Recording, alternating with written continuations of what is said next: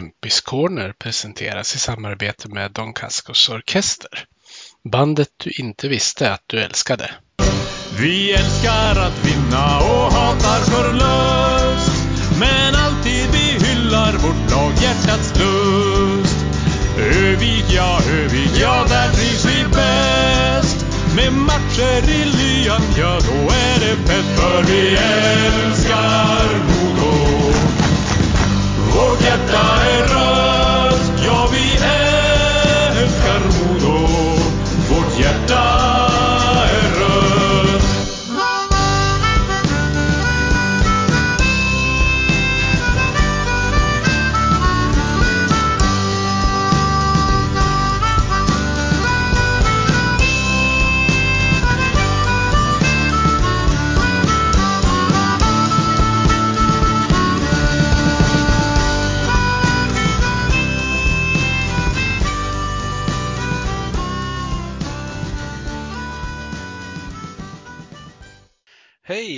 välkomna ska ni vara till eh, det 36 avsnittet av Kempis Corner med mig Peter Kempe och som gäst i det här avsnittet har jag en eh, person som har man kan väl säga dubbel bakgrund i Modo, både som spelare och som ledare. Erik Ecke Holmberg, varmt välkommen till podden. Tusen tack! Det är jättekul att ha dig med. Du har varit en, en önskegäst. Eh, flera personer som har velat haft med dig och jag också. Så det är jätteroligt att vi kunde få det att hända. Ja, det tycker jag låter jätteroligt och det är kul med, med de här nya moderna eh, poddar och alla grejer som har, har kommit nu här eh, och sociala medier med mera. Bara det är en glad och fin ton. Jajamän.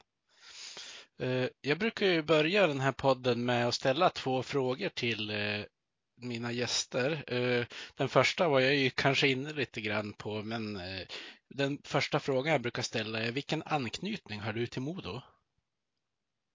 Ja, eh, jag har ju spelat sju säsonger i A-laget och så har jag varit med i styrelsen och så har jag varit sportchef. Så jag har ju hunnit med en hel del när det gäller Modo Hockey. Men eh, jag har ju min fru också, är ju från Övik och är född i Överhörnes. Och båda barnen bor i Övik nu så att eh, det finns en hel del an anknytningar. Ja, det hörs ju så. Eh, Den andra frågan jag brukar ställa det är vad har du för minnen från Kempehallen? Men det kanske vi måste, med tanke på hur eh, lång anknytning du har i laget, kanske vi måste korta ner det till vad har du för favoritminnen från Kempehallen? Och Kempehallen är ju en otrolig arena. Alla tuffa träningspass därifrån gropen upp på Varsberg och med mera. Men spelmässigt så är det väl eh, Ja, första matcherna man spelade i Modo då, jag tror det var 1981-82, så det är några år sedan. Eh, och sen eh, får man inte glömma då heller när vi vart tvåa då och förlorade nästan nä, nesligt då femte avgörande matchen nere i Malmö då. Och, och, men alltså folkets uppslutning och den stämning som alltid har varit i Kempahall är ju helt fantastisk. Och Ivan Jonssons kokta med bröd, den glömmer man väl inte. Nej, klassiskt med hockeykorv. Ja, absolut. Det, det, det, det är ju en sån där äh, otrolig sak som har varit genom alla tider. Från där man var utomhus och spelade och tills ishallarna kom. Då. Jag började min karriär i IFK Nyland och då var det utomhus då, på, på, på Strandvallen då, innan det blev Strandhallen. Ja. Uh, jag tänker på när du pratar om eh, SM-finalen där. Eh, den är ju allmänt känd för eh, vad Peter Forsberg tänk, tänkte och tyckte. Men var du också besviken på Börje? Ja, alltså det är, ju, det är ju så länge sedan nu, men det är klart att det var ju så att nivån vart väl högre och högre ju längre serien eh, gick. Eh, och sen ska man väl aldrig skylla egentligen på domaren, men alltså, då, kan jag väl hålla med i mångt och mycket att det vart lite för mycket hänga och klänga sista matcherna. Så du håller delvis med han i alla fall? Ja, jag håller ju med han också, men, men, men eh, eh, hade det eh, varit på ungefär samma nivå, nivå som kanske semifinaler och i början av finalserien så, så ha, har vi nog haft en ännu större chans att kunna slå ut Malmö. De, de tjänar ju på, i och med att de hade ett tungt och väldigt rutinerat lag. Så att eh, eh, det är väl det är väl egentligen mest att eh, vi inte lyckas knyta ihop det match tre eller fyra. Det är väl femte matchen, den blir ju alltid som den är när det är en finalserie så där. Eh, många spelar mycket och eh, det är lite små skavanker och grejer och, och sådana där saker. Va? Så att, eh, men tänk om hon fått komma hem med guld då också, för då har det ju blivit det andra efter 79. Nu tog det några år till när det blev ett. Ja, precis, men vi ska komma till det lite senare tänker jag. Men jag tänkte att jag ska börja med att mm, gå, gå tillbaka väldigt långt bak i tiden. Men kommer du ihåg eh, vart du tog dina första skridskoskär någonstans? Var det någonstans i Nyland eller vart? Ja, det var, det var garanterat på, på Strandballen i Nyland. Minns du hur gammal började... du var? Jag skulle tro att vi var ju en riktig idrottsklass då. Eh, årgången 63 och det var ju flera årgångar. Men, men det var nog fyra, fem år ska jag tippa. Började man vara där och åka. Ja. Eh, när började du spela hockey på riktigt i ett lag? Ja, på, på min tid då började det egentligen på C-pojkar. Va? Så att eh, vi hade väl ett gäng då som, som var lite yngre och det var ju Bosse Salén och Rune Wiklund då, som, som eh, var ledare framför allt då, som har lärt oss det mesta. Eh, och eh, i de unga åren. Och sen var det ju många föräldrar som hjälpte till och stötta och supportar. för det gällde sig att ploga och skotta snö och spola grejer ibland och sådana där saker. Så att, eh, men jag skulle tippa, det var nog inte förrän man var 9-10 år det började bli några match, matcher. Nu kan jag ha fel, men så, så är det väl jag kommer ihåg det. Sen kanske man var med i något, några, några som var några år äldre, som C-pojkar när man var lite yngre. Men det fanns ju liksom inte så många lag som det eh, eh, har varit under senare år. Utan det var ju liksom då C, B och A-pojkar. Och sen var det ju då B-lag och A-lag i de flesta klubbarna. Ja. För det här är ju, det här är ju då från, vad ska jag säga då, 70 73, 74, 75, 76 är det väl de åren. 78 spelade jag i TV-pucken, men det var ju med 62orna för det vart ju ingen TV-puck för oss 63 er De hoppade ju över våran årgång. Vi hade ju ett fantastiskt bra lag emellan, men vi fick aldrig spela när vi var som äldst. Nej, just det. Det var ju tråkigt såklart. Ja, det var ju en jättebesvikelse. Vi hade faktiskt riktigt bra lag för TV-pucken då med 63orna med Mikael Hjelm och Lars Andrén stod i mål i Kramfors, både med pojklandslag och ja, och Roger Eliasson. Det var jättemånga spelare som blev elitspelare sen.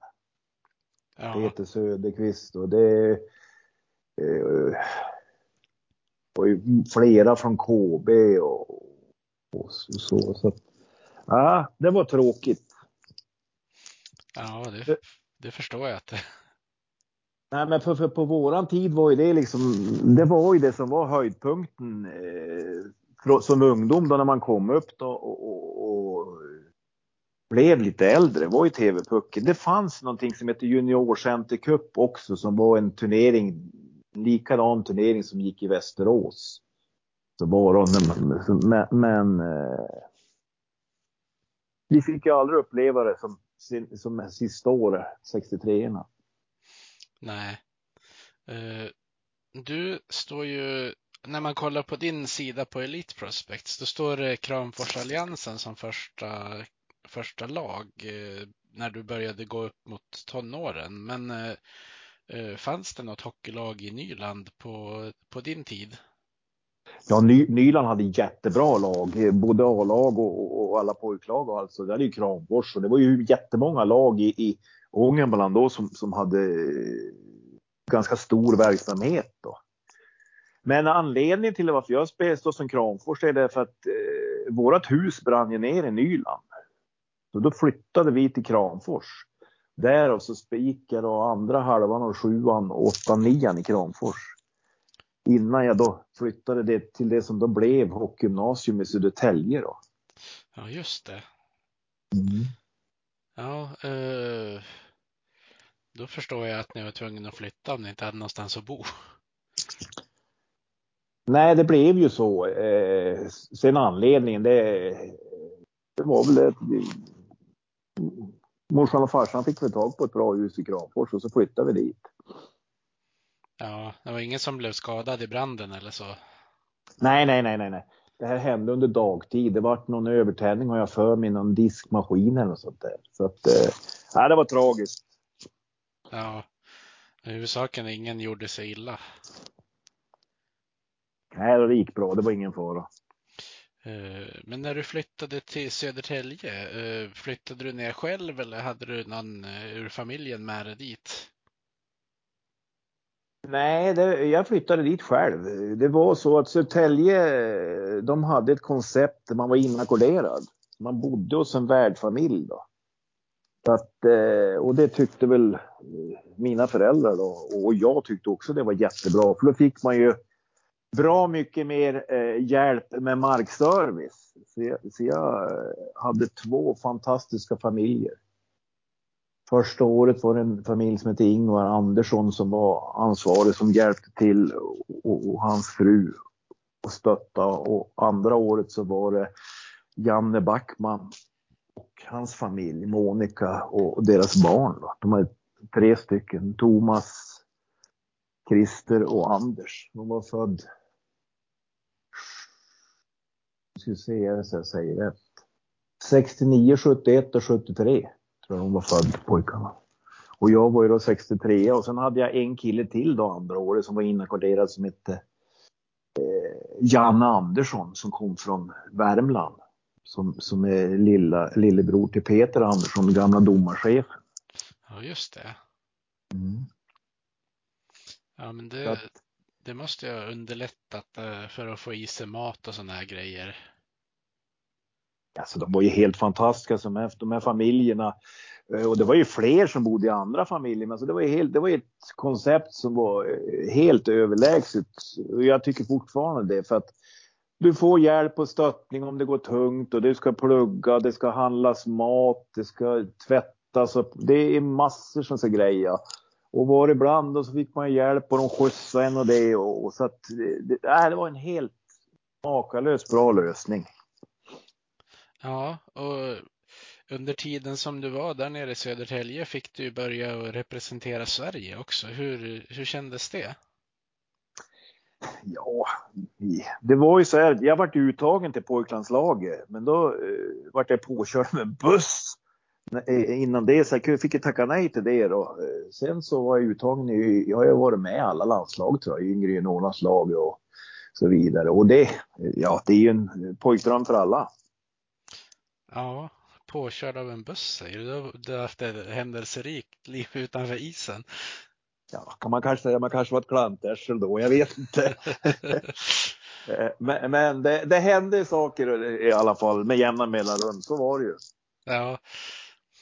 Uh, du fick ju som du, som du säger spela uh, både U18-landslaget och A-pojkslandslaget. Kan man säga det?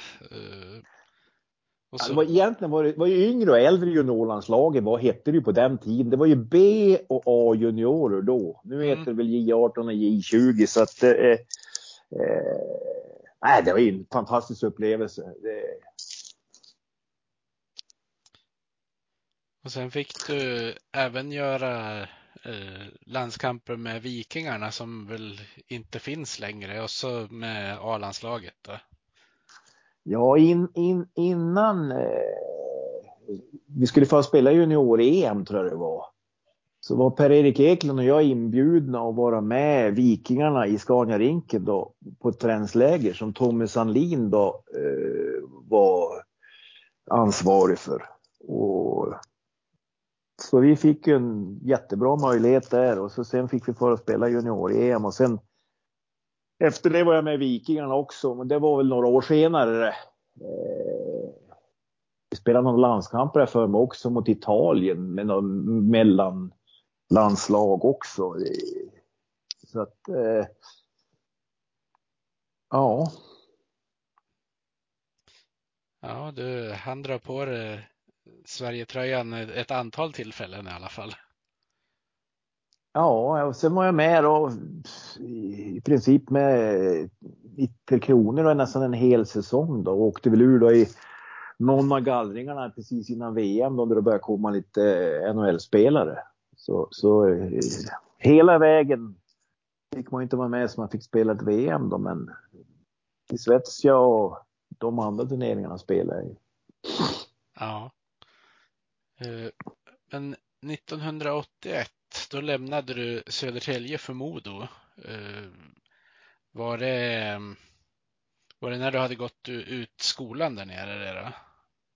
Ja, jag hade gått ut eh, gymnasiet då och, och eh, eh, sen visade ju Modo jättemycket intresse då med, med det var väl Åke Eklöf tror jag och så sen Tommy då som ville komma. Då. Så då flyttade vi hem då. Sen längtade man väl hem lite grann också då. Eh, så att då blev det att det blev Modo då. Så vi flyttade hem då 81. Hösten 81 va. Ja, så blir det nog. Mm. Det var när, eh, när Modo fortfarande hette Modo AIK.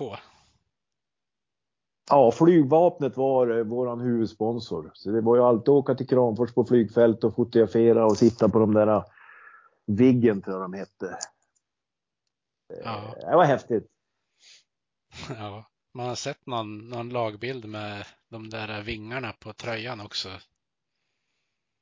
Jag vet inte vilket ja. år det var ifrån, om det var något år innan det kanske eller om det var. Ja, de vann väl 89 va. Och så ja. sen, sen kom jag 81, 82. Då var det ju flygvapnet. Det kanske var flygvapnet år innan också. Jag är osäker, men det var i alla fall de två första åren. Kanske tre första åren till och med var flygvapnet. Men den där äh, vingen var väl första två åren i alla fall. Just det. Ja, det var ju lite före min tid. Jag är ju själv född 83 så att den tiden har jag inte jättemycket minnen av som du kanske förstår. Ja, nej, nej, men det var ju. Det var ju en fantastisk tid då när man fick möjligheten att komma upp i ett, ett, ett elitserielag och, och kämpa om att ta en plats där. Och det var ju många legender som var med i Modo då. Ja. Uh, hur var det att, att komma upp uh, och spela med, med dem som jag antar att du kanske hade beundrat lite på avstånd innan? Ja, men alltså det är ju så. Det är ju, det är ju precis som du får vara med i något av landslagen. Det är ju en, en ungdomsdröm och så sen eh, var det bara att försöka träna och, och, visa att man hade gjort rätt för att man skulle få vara med och spela lite grann då i första året och, och så sen ta chansen då när man väl, när man väl fick den då. Så att, eh, men det var ju tufft klimat på den tiden som, som när man kom upp som junior. Så att eh, man fick lära sig både det ena och det andra av de här eh, äldre stjärnorna kan man väl säga många av dem var. Så det var ju fantastiska spelare som, som, som var med då. Den som har spelat mest egentligen, det var väl Robban Frestadius. Jag tror han spelade 21 säsonger innan han slutade, så det är ju helt magiskt. Sture Andersson i Ulf Ingvars, alltså det går ju att räkna upp hur många som helst. Pelle Lundqvist, Torsson, Tommy Schelin, Ubben. Ja, du hör ju själv. Ja.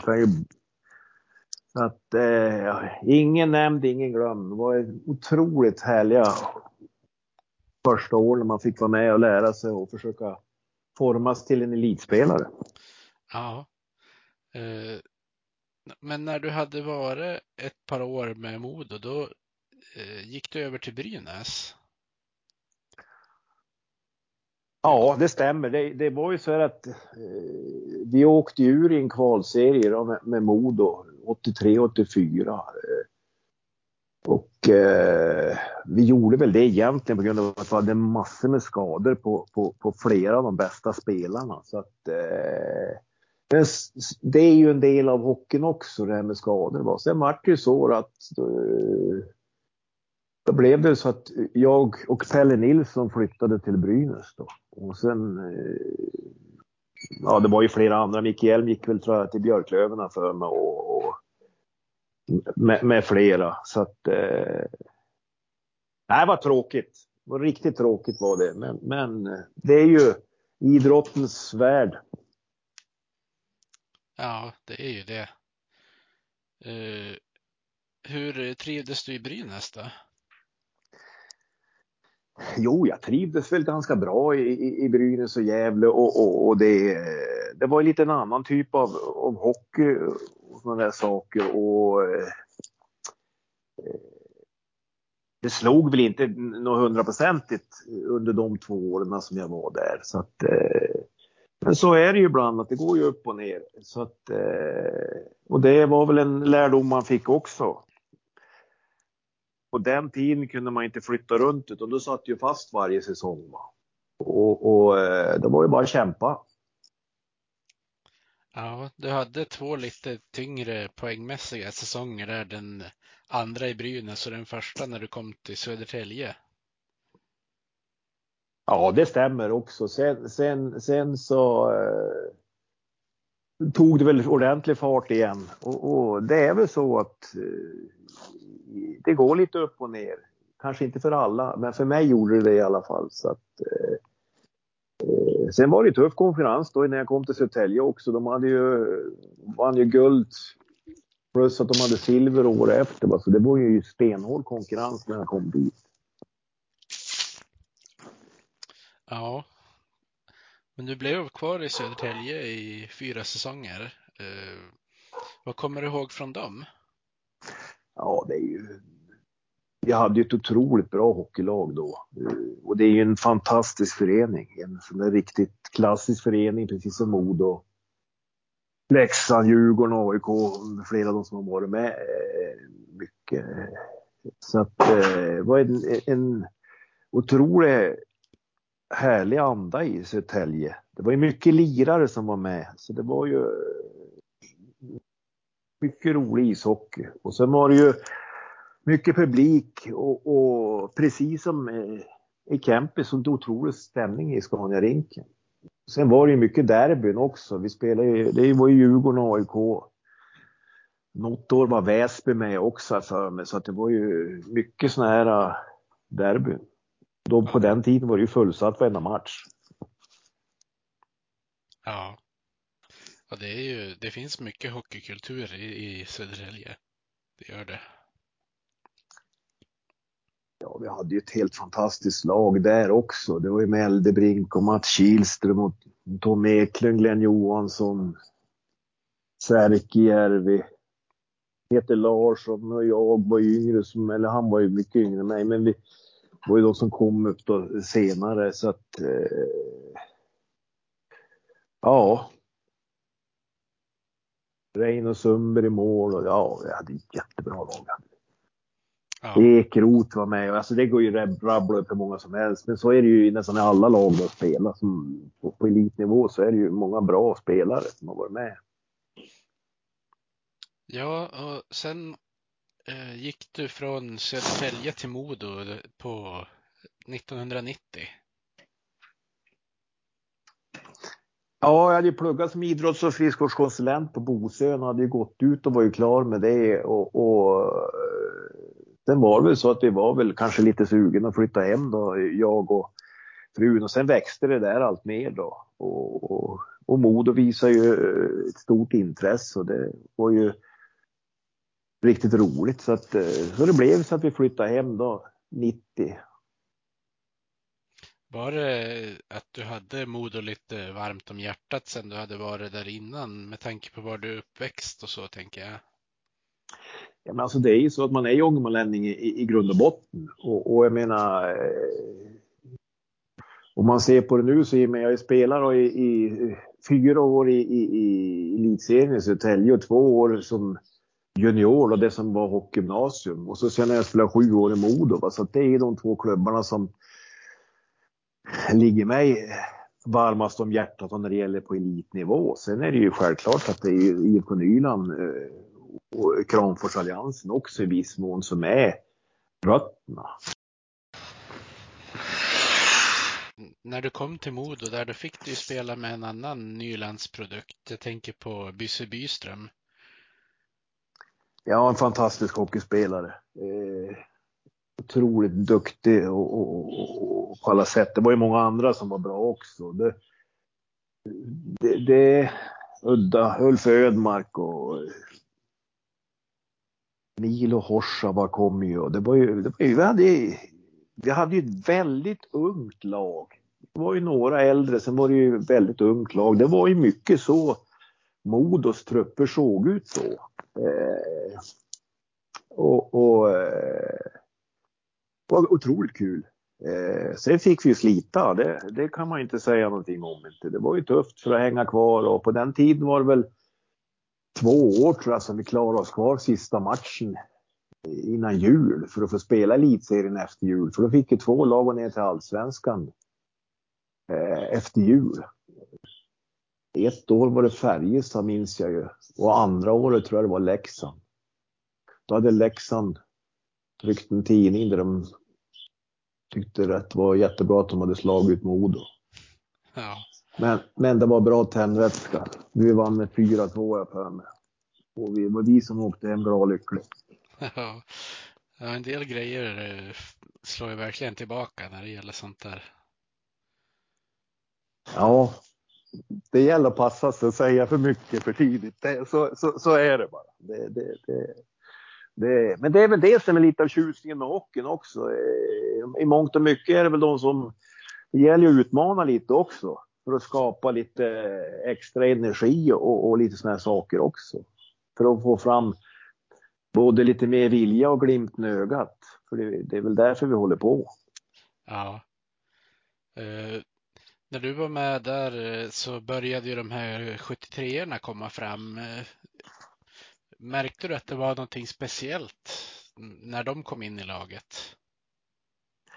Ja, så det var ju en eh, helt fantastisk eh, årgång eller årgångar. Eh, alltså det var ju, de var ju så många som kom upp då. Kanske inte första året, men andra året och tredje året framför allt. Det var ju Peter och Macke, Hasse Jonsson, Timmy, Salle, Ja, du hör ju själv. Det är ju liksom, det är ju. Vad har du mer då? Sen har det ju kommit 70. Eh, Fredrik Bergqvist var väl med där också som var väl en jättetalang från Kramfors då. Wernblom. Och sen har du ju, det var en som hette Kjelldén också, en Sollefteåback som var 74 tror jag. Och sen kom ju Anders Eriksson, eh, Susse, Antos, Perra, ja du hör ju själv. Alltså, vi är ja. snart upp ett helt, ett helt lag och då pratar vi liksom eh, Det var ju då 73, 74, 75. Ja precis, det går ju att rädda upp hur många som helst av dem där. Det var ju speciella år, alltså få se och vara med och, och eh, slita ont gjorde vi alla för att vi skulle hänga kvar och ta oss någon gång framöver till slutspel med mycket juniorer och så några äldre. Bland annat jag och Bysse och Adda och det var ju fler. Så att eh, Nila Horsaba framför allt. Ja, eh, sen var du med om att på, på ett sätt eh, en del av att göra historia. För Modo sparkade ju för första gången en tränare när Jan-Åke Andersson fick gå. Eh, hur upplevde du den tiden? Ja, det är väl ingenting som man eh, tänker på idag utan det är ju, det är ju bara tråkigt när något sånt där händer. Utan det vart ju att eh, han och Torsson vart väl eh, flyttade åt sidan och så kom ju Kent och Anders Melinder in då. Eh, och, och, det är aldrig bra egentligen när det är någonting sånt där som händer. Så att, eh, men det är också idrotten, lite grann idrotten. Va? Det, det är som det är. Eh. Ja, Kent Forsberg gjorde ju en, en bra insats som, som tränare ändå. Ni, ni klarar er, er ju kvar eh, trots det som hände. Du som var lagkapten den säsongen också. Ja, jag var ju lagkapten eh, så att eh, det var ju tufft. Det var ju så. Vi, vi fick väl inte ut det vi hade hoppats av, av, av, av gruppen. Eh, och på ett enkelt sätt säga att vi vann inte tillräckligt många matcher. Det är, det är ju inte svårare än så. Så att eh, det var ju att kämpa och köra och sen kom ju den här yngre generationen då och sen blev vi ju sakta men säkert bättre och bättre. Det var ju ett, eh, ett annat system på den tiden eh, att det vart en kvalserie efter jul, visst var det något sånt? Nej, inte då inte tror jag. Det, det var borta. Det var, det var ju allsvenskan efter jul, det var tidigare det tror jag. Den, på den här tiden var det full elitserie hela, hela säsongen. Så att eh, vi tog ju steg då så nu ska vi se här. Eh, 92, 93. Då åkte vi ut mot Malmö i kvartsfinal har jag för mig. Ja. Och sen 93, 94 då gick vi ju hela vägen och förlorade den femte avgörande mot Malmö. Så att eh, det var ju lite surt att få torska av dem två gånger, två år i rad. Ja, eh, visst eh, kom ni inte in som åttonde lag den säsongen? Sista lag till slutspel? Eller minns jag galet?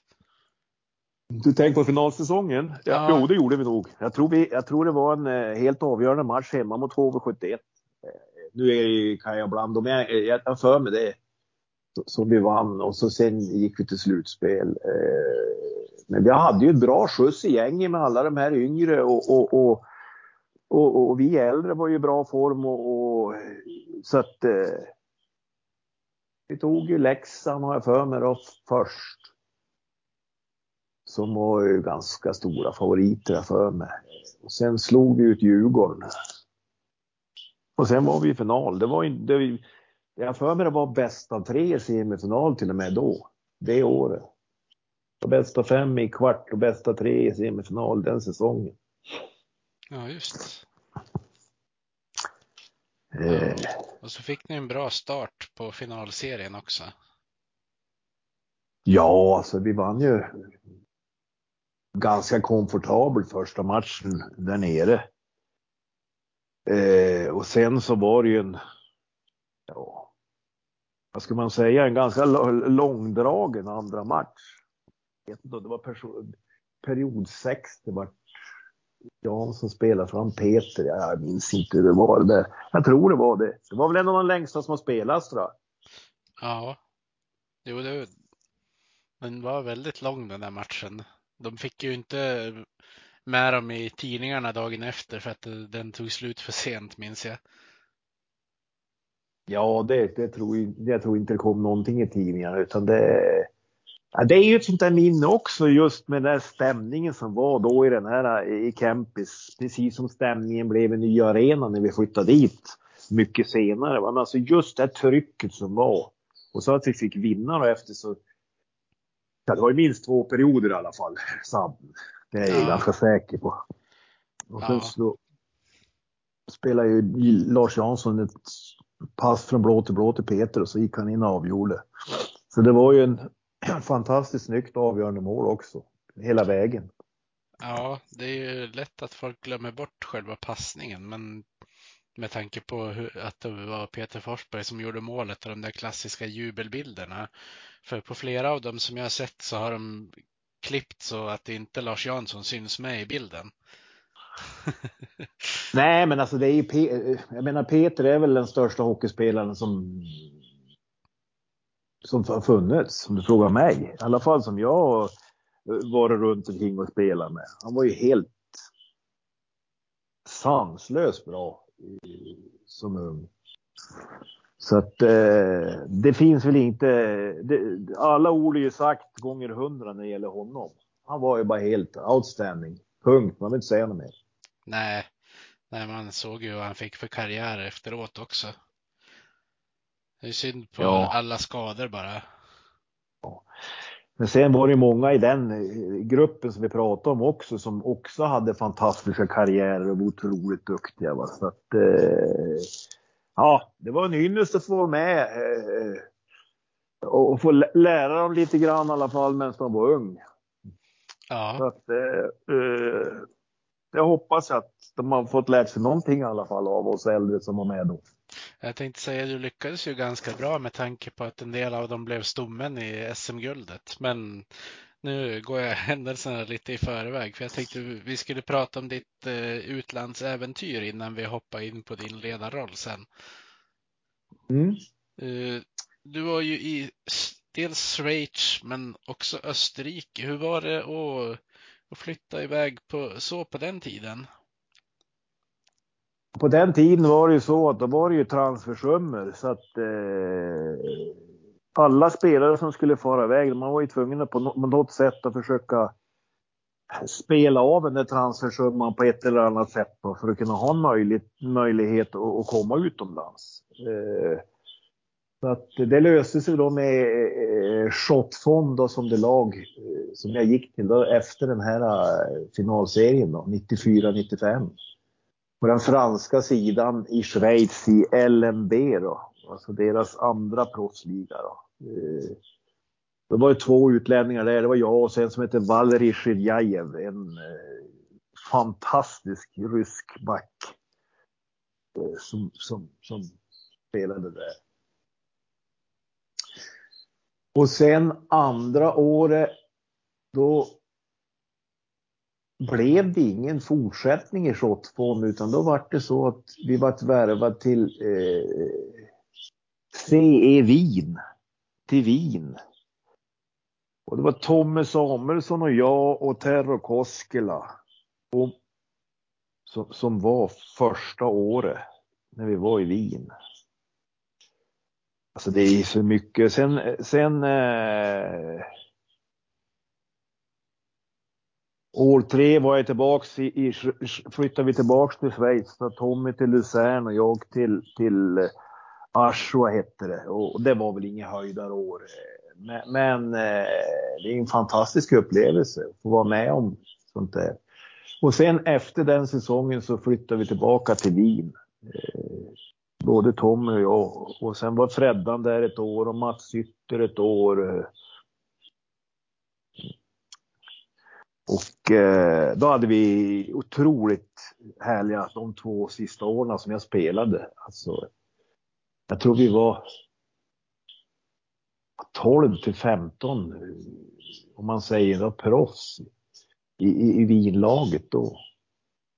Och då var vi kanske fyra, fem av dem österrikare. Sen var det ju bara svenskar och finnar och kanadensare och så det var ju en jättebra nivå på den ligan då.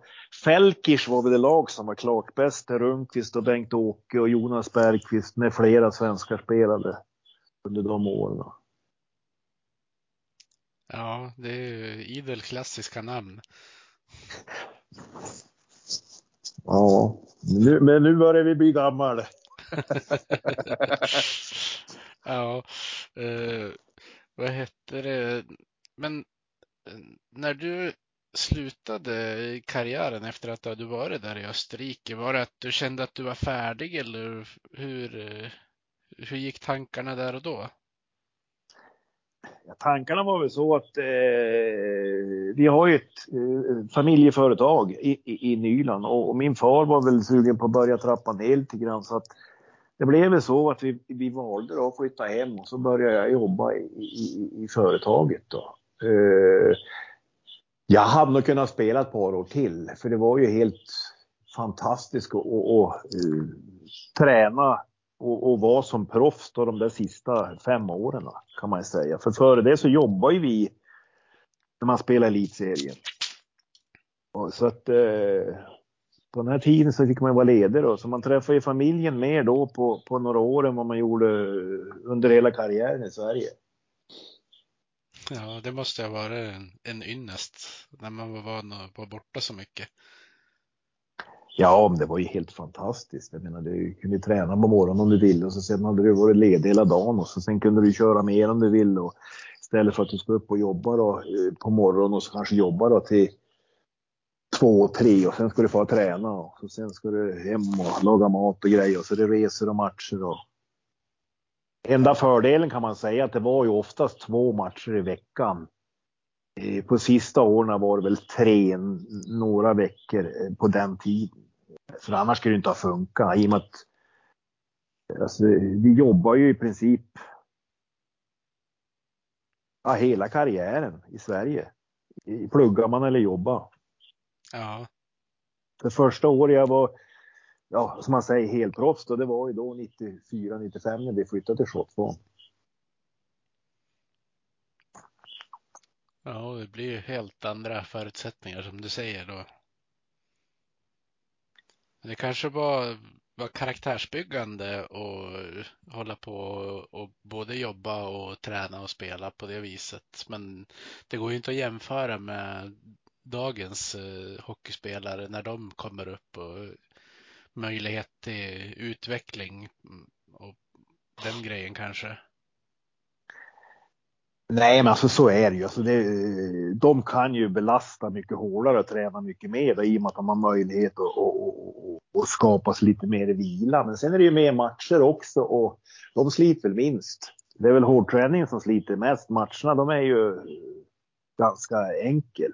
Det, I och med att det är ju och nu när man kör med fyra femmor också eller fyra kedjor ofta så är det väl så. Men alltså det är ju mycket matcher. Och så sen, eh, så det är, eh, det är två olika eror kan man säga. Eh, när jag spelade var det, det var på det sättet man elitidrottade och nu är det man helproffs och, och. Så att eh, den enda nackdelen egentligen med att eh, idrotta på heltid nu som jag har sagt hela tiden det är att det är svårt att koppla bort hockeyn. Eh, på det sättet och, och, och, tänka på någonting annat. Det är lätt, eh, det blir för mycket. Att man funderar och tänker i, i alla lägen. Så, så det, det, är väl den nackdelen. Har du ett jobb eller eh, du studerar så kan du ju alltid gå dit och så då får man ju fokusera på det. Då kan man ju släppa då den här sportsbiten. Det är väl någonting som jag tror skulle behöva in, eh, föras in mer i elitidrotten idag. Att man försöker plugga och lära sig någonting eller jobba, eh, praoa någonstans på något företag om man har någon utbildning eller sånt där. Just för att få koppla bort. Det tror jag är jättenyttigt. Ja, jag tror du är inne på någonting. Annars är det väl lätt att uh, om man har, säg en jobbig säsong eh, så sätter det sig väl gärna på psyket att man går runt och grubblar lite. Jag, jag pratade ju med Per-Åge Skröder om det när han var med i podden, att han är ju en sån som tänker mycket så att det, där kanske han hade mått bättre av att få tänka på någonting annat ett tag. Och inte bara ja, vi... för den delen. Nej, men vi är ju olika eh, alla. Va? Men det är ju så här att det är klart att eh, om det inte går som du tänker eller utifrån de ja, eh, förhoppningar du har att det blir att du grubblar och tittar på detaljer. Ska jag träna mer? Ska jag träna mindre? Vad ska jag göra annat? Så det blir ju, och då är det ju lätt att man hamnar i en ond cirkel då. Du pratade om eh, familjeföretaget där. Eh, vad, vad gör ni för någonting? Det heter Holmbergsbordet eh, och eh, min far och hans bror startade det här och eh, i början på 80-talet och de har utvecklat då eh, till det som blev då höj och sänkbara arbetsbord eh, i, i grund och botten. För att skapa bättre ergonomi då för folk när man jobbar så man kan både sitta, och stå och ändra höjd när det passar och, och sådana där saker. Eh, och de har ju eh, tagit fram och produktutvecklat och vi hade egen tillverkning och det på, på, på de här produkterna väldigt länge. Och det är ju ett familjeföretag då, så det är de som är på, på eh, det är jag och min syster då på, på ena sidan och så sen är det ju eh, Lars, Bengt och Mats då på, på eh, Bosses sida, alltså min fars eh, brorsas sida. Och där är väl eh, Bengt som är aktiv på, på, på eh, Bosses sida här och, och, och, jag då. Maria är inte aktiv och sen Lars och Mats, de, de eh, Mats säljer och jobbar i Stockholm och Lars också oftast i Stockholm. Så att eh, så är det och det har vi produktutvecklat och håller på med nu då i Ja, vad blir det? Oj, oj, oj. 84 vart aktiebolag, så det är ju... Ja, det är nästan 40 år då. Ja, det är bra länge i alla fall. Ja. så, så, så, så att... Eh, det har också varit roligt att få, få lära sig och, och, och, och, jobba med. Och just i och med att ha varit med ergonomi då, ur, ur en liten aspekt så har det också varit lite grann som, som jag gillar ganska mycket då, det här med att man försöker hjälpa och, och skapa förutsättningar då, för folk som ska jobba. Då. För om du har ett om jag säger, statiskt arbete så blir det ju eh, ganska hjälpt om du har en, eh, vad ska jag säga nu, en kontorsarbetsplats då, som är anpassad för att förenkla, förbättra och avlasta framför allt. Ja, men absolut. Jag har ju märkt en otrolig skillnad nu när jag i våras började jag jobba med ett kontorsarbete och då har jag ju märkt en otrolig skillnad när man har haft ett höj och sänkbart skrivbord mot när man har suttit hemma och haft ett vardagsrumsbord eller vad man ska säga. Ja, det går ju inte att jämföra. Det, det, det, i och med att du kan justera in precis eh, som du vill ha för tillfället och för stunden. För det är ju variationen, det är den som, som hjälper individen och människan i alla lägen. Så, så är det ju. Ja, men visst. Men du, du hoppade på det efter hockeykarriären då, men sen eh, blev det ju aktuellt med att du skulle bli eh, sportchef i, i modehockey. Hur eh, hamnade du där? Ja, man kan säga så här att eh, jag var ju först i styrelsen i två år. Eh, eh, och sen då eh, skulle ju Bengt, andra året ville väl Bengt då, var ju mer och mer intresserad, alltså Bengt Hedin då, av att bli arenachef. Och då eh, fick jag väl frågan och sökte ju då, för det var ju ganska stora eh, koller och pratade med Åke Eklöf och Jerry då, och, och, och, så vidare. Och sen efter alla intervjuer och sådana saker så vart jag väl så att jag fick jobbet då. Och, och eh, det var ju en helt fantastisk tid då i, i, i livet för då flyttade vi ju då i princip kan man ju säga från Kempohallen till den nya arenan. Då. Så att eh, det var ju fullt ös medvetslös hela tiden på alla händer. Från sport och vaktmästare till arenadelar och marknad och allting. Vi gick väl, ja vi dubblade väl omsättningen. Minst tror jag det var. Nej, vi dubblade omsättningen. Så att eh, det vart ju lite skillnad att gå från anrika Kempahallen till fantastiska Swedbank Arena som blev Fjällräven Center och nu är det Hägglunds Arena. Ja, den, är vid, den är vid vattnet. Så att, eh. Ja, det måste ju vara en av Sveriges eh, snyggast belägna arenor i alla sporter egentligen. Ja, det är en helt fantastisk arena. Det finns ju flera som är snarlika, eh, både Karlstad, Linköping tror jag och, med, eh, på, på, ett eller annat sätt. Men alltså den är ju, den är fantastisk. Eh, så är det bara. Så att det var ju en ja, helt otrolig flytt från campus till eh, den nya arenan. Då. Ja, eh, jag, tänkte på när, när du kom in där, eh, var det hade truppen för eh, första säsongen blivit påbörjad eller fick du hoppa in eh, och bygga från början? Eller vilken tid ungefär kom du in på, på den där stolen?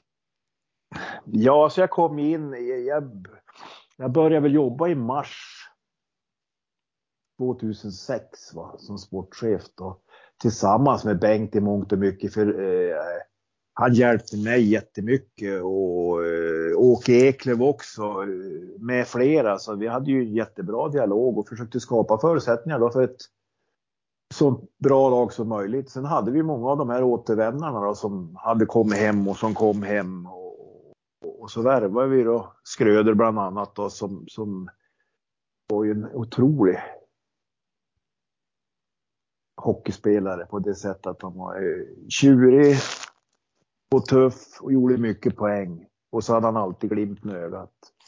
Som många andra eh, killar har. Men, men, så det vart ju så. Och, och sen, ja vi hade ju, eh, tittar man på truppen så, så var det ett ganska bra lag. Men vi värvade, vi värvade ju en del spelare också och försökte behålla en del spelare. Så, så var det ju. Det kom ju in en del spelare under säsongen också. Bland annat Justin Morrison som var ju grymt bra men som var skadad mycket då. Sen kom ju på sista etappen, där kom ju Blattny och Kosela in. Ja, det finns ju. Pierre kom ju under säsongen här för mig också. Hedin, han var i Schweiz. Så att eh, vi jobbar ju mycket med det här eh, Heart of Hockey-konceptet. Eh, att försöka ha många lokala spelare. Eftersom jag tror ju fortfarande att det är ju den överlägset bästa modellen. För eh, det är lättare att ge mer blod, svett och tårar då. I och med att man kanske har grannen eller mormor och morfar eller släkt och vänner eller det är lätt för folk att få titta på matcherna. För det är, det är det som är tjusningen. Ja, eh, och ni fick ju hem en väldigt viktig pusselbit när eh, Susse bestämde sig för att flytta hem också. Ja, eh, det är väl samma med han också. Han är ju en helt fantastisk hockeyspelare.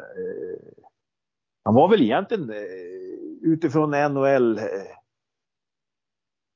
snitt sett så var han väl inte så att han fick chansen tillräckligt mycket om du frågar mig då som kanske playmaker eh, och spelfördelare utan han, han jobbar ju mycket och spelar mot motståndarnas bästa. Men han bevisar väl ganska enkelt när han kom hem till Sverige då, eh, vilken fantastisk hockeyspelare han också var. De är ju jättemånga alla de här eh, ångermanlänningarna säger jag nu så att, eh, så att eh, det har varit nära att fått, höll jag på att säga, lära upp dem med glimten i ögat och fått haft dem som ledare också. Ja, eh, kanske, kanske det var så att både Susse och Samuel Paulsson var lite för smarta så det var därför de fick lite mer defensiva roller. För båda är ju egentligen väldigt allround som spelare och behärskar väl egentligen det mesta. Ja, alltså för, för mig så är det ju så att man ska försöka få ut det bästa ur varje individ i alla lägen. Men det kanske är så att man, man hamnar mer i facket NHL. Jag är inte den som kan uttala mig om det riktigt egentligen. För det får man kanske prata med dem som har spelat där en massa år. Men, men jag kan ju bara titta till vad de uträttar i, i, i elitserien. Så, så eh, den playmakers husse var, det var ju väldigt få som, som nådde upp till hans nivå helhetsmässigt. Ja, verkligen. Ja, du har ju Perra guldsäsong, alltså jag kan ju räkna upp allihopa, utan det är, det är en ynnest att för oss alla som har fått vara med tillsammans och slita ont de här säsongerna då. Och så fick vi då ett guld, alltså det var ju helt magiskt. Guld att spela på. Jag tror inte de kommer fram. Guldet går till Modo! Här! Modos andra guld i historien och helt enorma scener. 1979 och nu 2007. Detta Modo som har förlorat fyra finaler och nu alltså svenska mästare. En enorm känsla i Örnsköldsvik och för de Modo-anhängare som är här. Och ni som håller på Modo där hemma också. I den här matchen, nästan bragdartad insats med många spelare skadade mot detta Linköping som har gjort ett sånt häftigt, härligt slutspel också, men inte nått ända fram. Ja, det var sträcka på er alla Örnsköldsviksbor, alla Nolaskogsare, Höga Kustenbor, alla ni som bor i Ångermanland. Känn stolthet. Ni är värda det här guldet. Ja, kan du inte berätta nu, nu, skulle det kunna bli en lång film om jag bad dig berätta allt runt en säsong, men om du försöker sammanfatta den?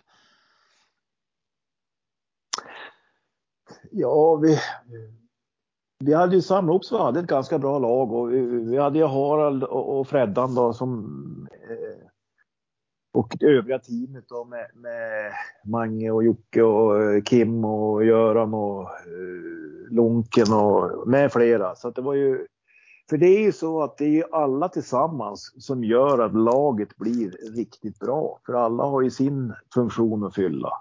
Sen hade vi ju, fick vi ihop ett jättebra lag. Men sen fanns ju drivet där. Jag menar 7000 i snitt på matcherna. Jag menar det var ju fest att gå på varenda match. Hemmamatch var ju fest. Alltså det var ju fullt ös och vi vann matcher och eh, vi var väl ganska länge har jag för mig så att vi har kunnat bli både, kanske inte etta men tvåa i alla fall. Och vi blev väl trea till slut. Va? Och sen så kom ju slutspelet och vi hade ju ett rutinerat lag. Och så hade vi många som kunde avgöra och det var ju så det var. Så att utan att prata för länge så eh, var väl det att kemin i gruppen, det var ju den som gjorde att, att, att vi alltid reste oss. Ja. Du hade de här grinollarna, du hade målvakten som stod på huvudet när det behövdes och du hade de här som avgjorde eh, när det behövdes och de som, höll jag på att säga, täckte skotten när det behövdes och sådana här saker. Utan det, det, det, det är helheten. Och eh, det blir ju så också när du börjar få lite gnista i det där att då växer ju allting. Alla växer ju.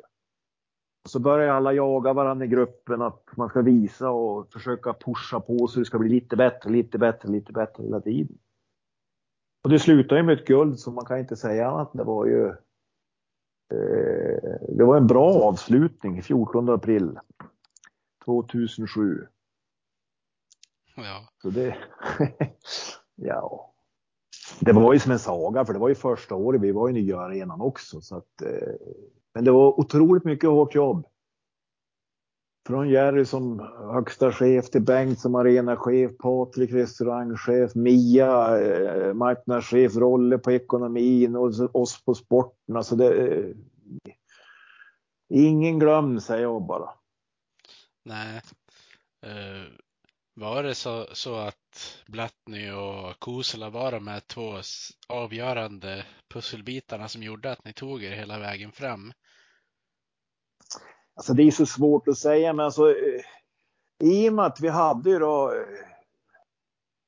Salle skadad. Han hade ju problem med en axel eh, som var en som kunde vara matchvinnare och Justin Morrison var ju borta jättemycket i slutspel också. Så att vi fick ju in så vi hade tillräckligt bred trupp. Sen var ju Blattny en perfekt sån här eh, spelare som kunde skapa så det var lite grinigt va? Och, och, och gjorde sitt jobb. För det är det det handlar om. Ja, och Karol Krishan som väl mer eller mindre hade blivit utdömd eh, när han kom till Modo säsongen innan visade ju verkligen vad han kunde den där säsongen. Ja, han var ju Alltså han var ju helt sanslöst bra, men han var ju bra hela säsongen. Det var ju, det var ju egentligen hela laget i och med att vi var ju, jag säger, är man topp fyra i, i topp fyra, fem i elitserien, då är man ett riktigt stabilt bra lag. Och det var väl egentligen de två första åren. Så att eh, eh, så är det, men alltså om du tittar på den här gruppen som vi hade när vi vann guld och du kan ju titta senare också så var det ju otroligt mycket kvalitetsspelare. Eh, men eh, olika toppgrejer som man klarar av. Defensiva backar och det var offensivt och det var playmakers, det var målskyttar, det var brunkare. Ja, you name it. Alltså det, så är det. Och det, det, det måste du ha för att vinna. Ja. Eh, hur, eh, hur fick ni nys om, om just Blatt nu då? Att han skulle kunna vara en spelare att plocka in? Ja, men det är ju så med alla spelare. Man, man, man eh, har ju mycket kontakter då med, med eh, scouter, agenter och det man kan titta då på, på, på tv och vad det nu är för någonting eller om man får och titta på matcher. Det, det, det får man ju ta. Utan han, han var väl via vissa kontakter som vi fick reda på att han var en sån här eh, karaktärsspelare ska man väl säga. Och, och, eh, det var väl det vi sökte. Sen är det ju ändå så att det ska ju funka också. Det, det, det, eh, det är många som är bra hockeyspelare som, är, som fungerar bra i klubb A men inte i klubb B. Och det är väl ingen som än kan förklara hur det kan vara så. Sen går de till klubb C, då går det bra igen. Så att det, det, det är väl något magiskt. Jag vet inte vad jag ska säga för någonting, men, men Ja. Det är svårt att säga det på ett annat sätt också. Det, det blir för många variabler man ska försöka hålla koll på i så fall. Nej, men alltså det, det, det, är ju så att det är ju helheten. Eh, att alla drar sitt strå till stacken och, och en klyscha då. Men alltså det är, ju, det är ju mycket klyschor. Och så sen att man aldrig ger sig. Alla står upp för varann och peppar varann och hjälps åt. Och det är ju från första till sista när det gäller allting för att det ska bli så bra som möjligt.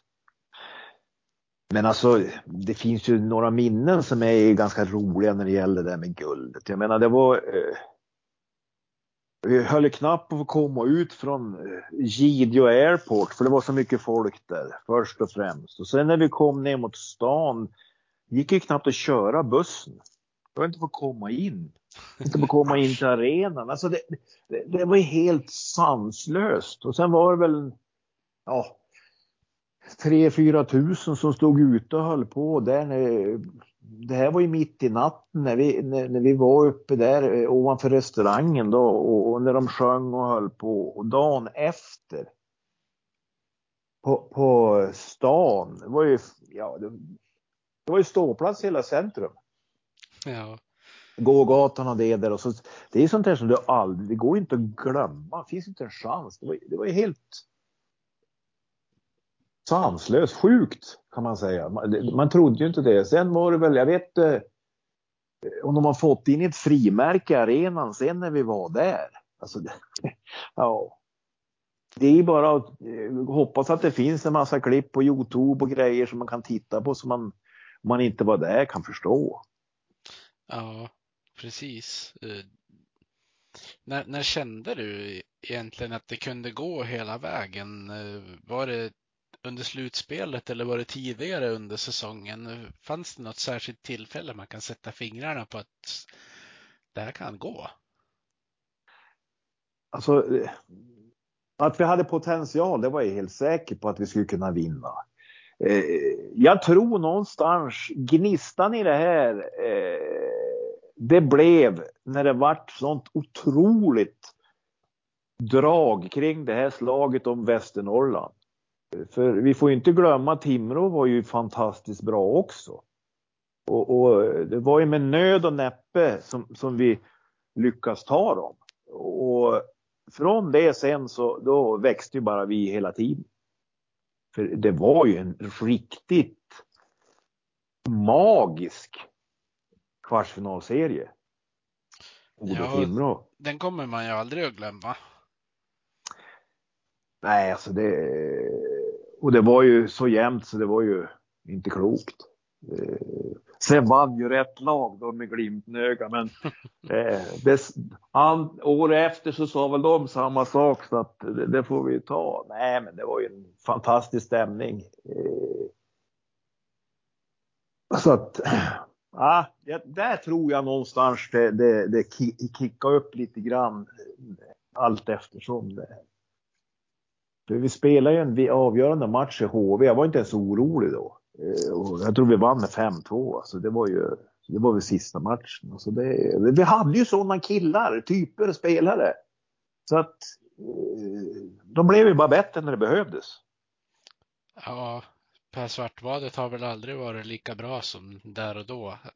Han har ju varit en bra hockeyspelare såklart annars också, men där var han ju en gigant. Jo men absolut, han var ju kapten och drev ju tillsammans. Alltså det var ju så många. Jag menar, eh, ja från Krishan till eh, allihop kan, vi, kan man räkna upp. Och sen är det ju vissa nyckelspelare som, eh, som ska ta och som tar det där ansvaret när det krävs då. Som, som gör de där avgörande målen och täcker de där avgörande skotten eh, kanske skjut pucken upp på läktaren eller på att säga när det är riktigt krisigt eller något sånt där. Men alltså det är ju de små, det är små saker hela tiden som avgör. Ja. Eh, jag måste fråga, när Mattias Timander blev skadad, eh, när det var någon som kom på att säga att det var att han hade fått magsjuka. Vems idé var det att dra det kortet?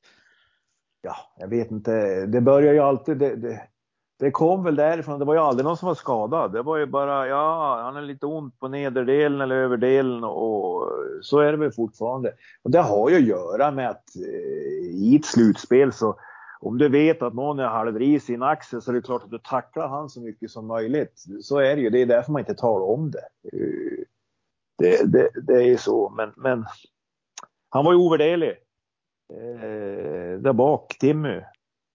Med flera. Alltså men eh, Ja, vilka killar säger jag bara. Men, eh, man blir nästan tårögd när man tänker på det. För jag menar, vi har ju bara vunnit två guld, 79 och 2007. Och sen var det väl ett halvt då, var det 98, 99 när den, ja, 99 kanske det var.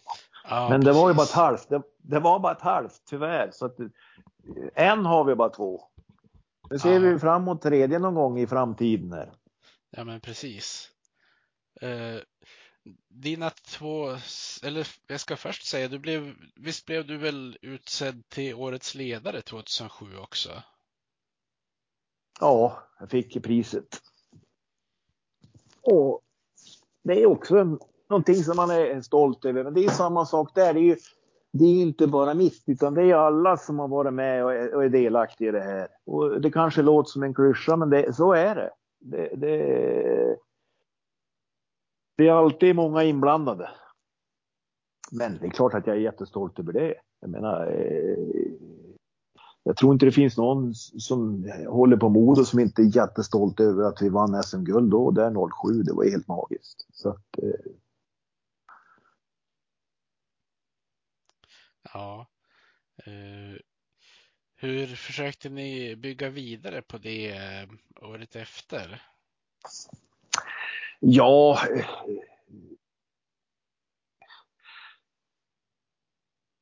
man kan väl säga att Fredrik Varg, Magnus Wernbloom och Per Holmberg, de var väl klar innan eh, slutspelet var över. I princip. Så vi hade ju redan förberett, jag menar, eh, det, den, den säsongens lag som är år efter, den måste ju vara klar i princip ganska tidigt. Eh, Åke, Jerry och jag sa ju det att sista april, det är ju senast man ska i princip ha truppen klar. Sen måste man ju alltid ha eh, lite pengar på banken så man kan köpa in någonting ifall man måste. Man får inte göra av med alla pengar heller. Utan eh, så att eh, Nej, vi hade ju ett, vi hade bra lag då också. Eh, och, eh, vart väl trea och så fick vi ju, eh, åkte vi ut då på kvarten mot Timrå då. Så att, eh, men så är hockey. Tyvärr. Ja.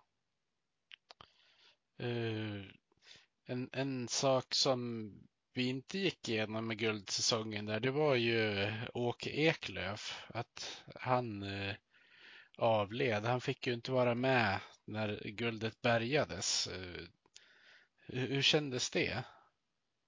Ja, det var ju det. Eh, Åke var ju en, en individ som, som hade följt den då i princip hela karriären då.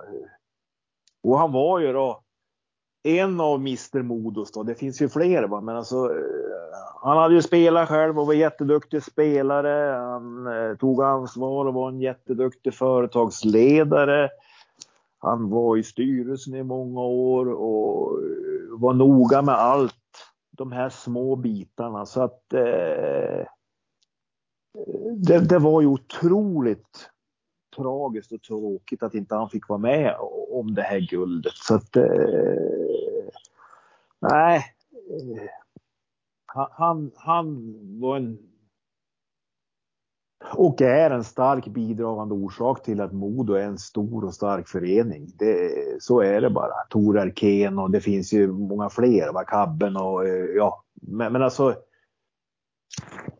Bengt var ju sportchef, jag vet inte hur många år. Så jag menar, eh, de där har slitit ont för att skapa bra förutsättningar för vårat kära Modo Hockey.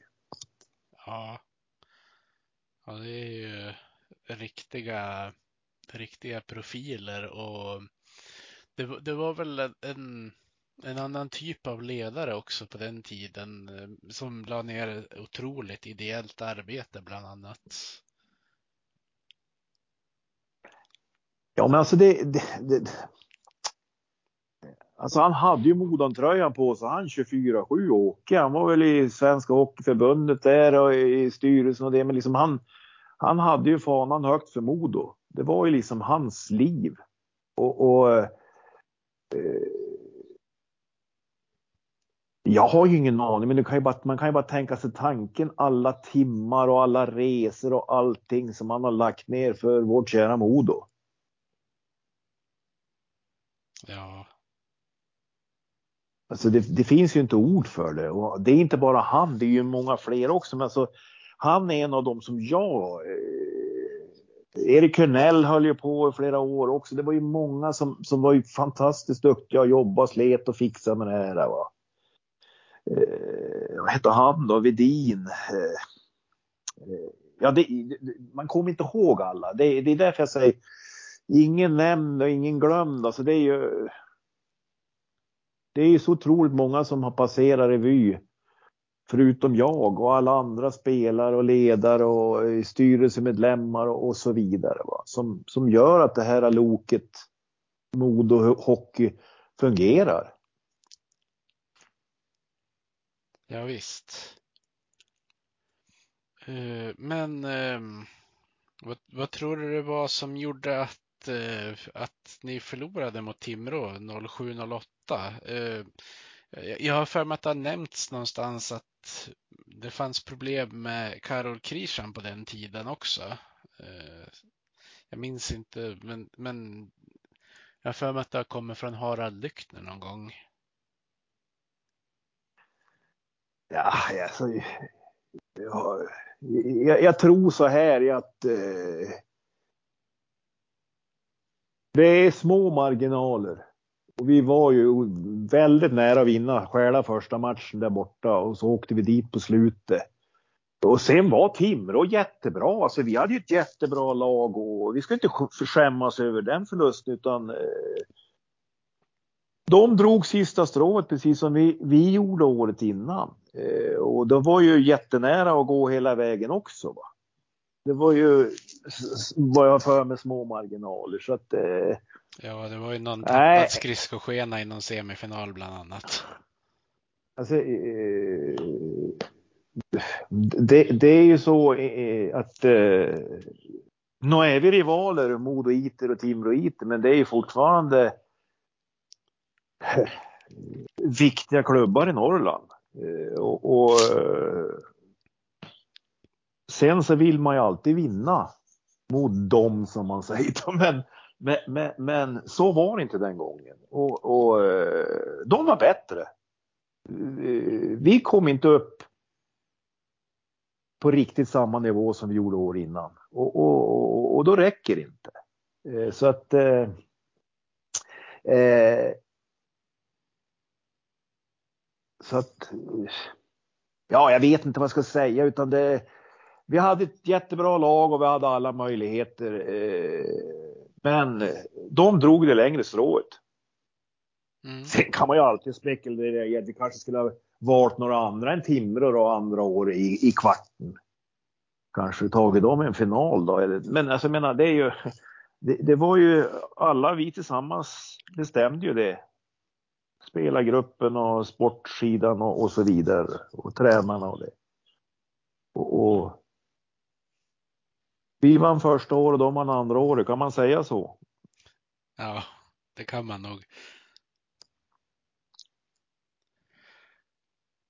Eh, men eh, till säsongen 08-09 då skulle ni ju byta tränare och ersätta Harald Lyckner. Och så här med lite tid eh, efter det, ångrar du att ni valde att ta in Harry Rindell?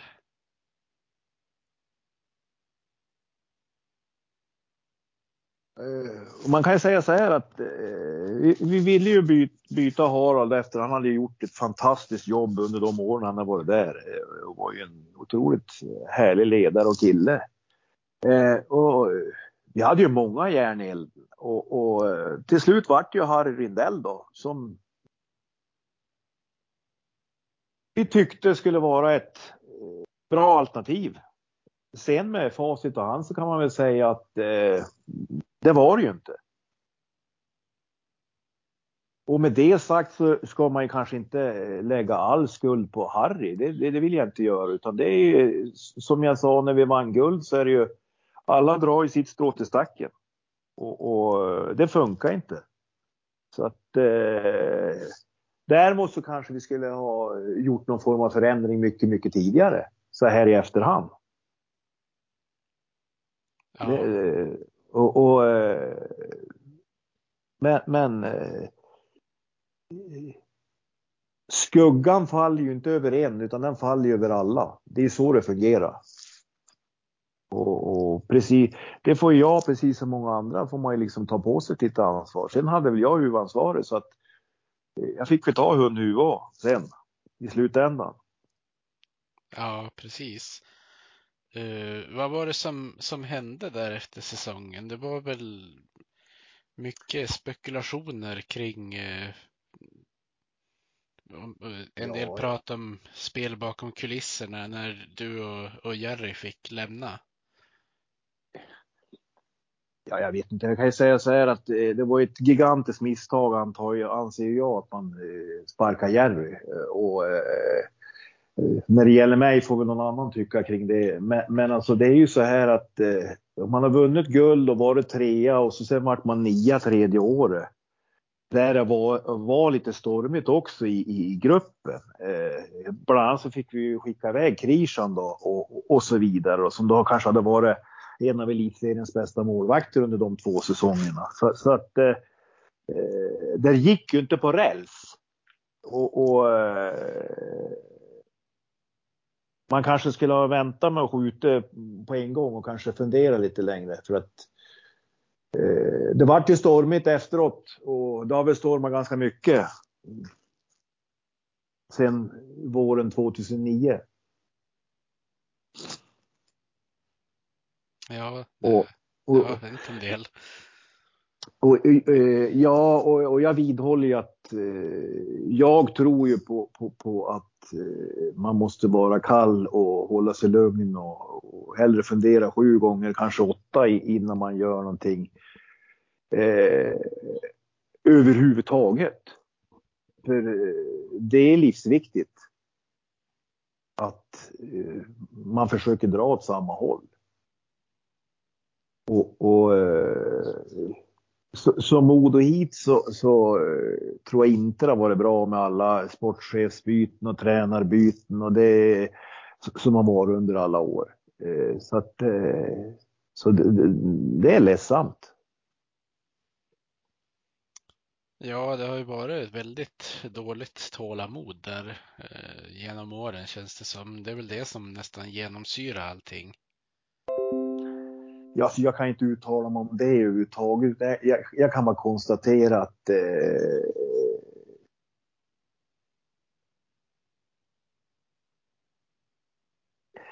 man måste ha långsiktiga mål. Och eh, då kanske en nionde plats var värdelöst. Men eh, när man hade satt som förhoppning att man skulle vara fy, fyra, femma då. Så att eh, ja, men det, det, får, det får man väl, får vi väl ta på oss allihop som, som var inblandad då. Eh,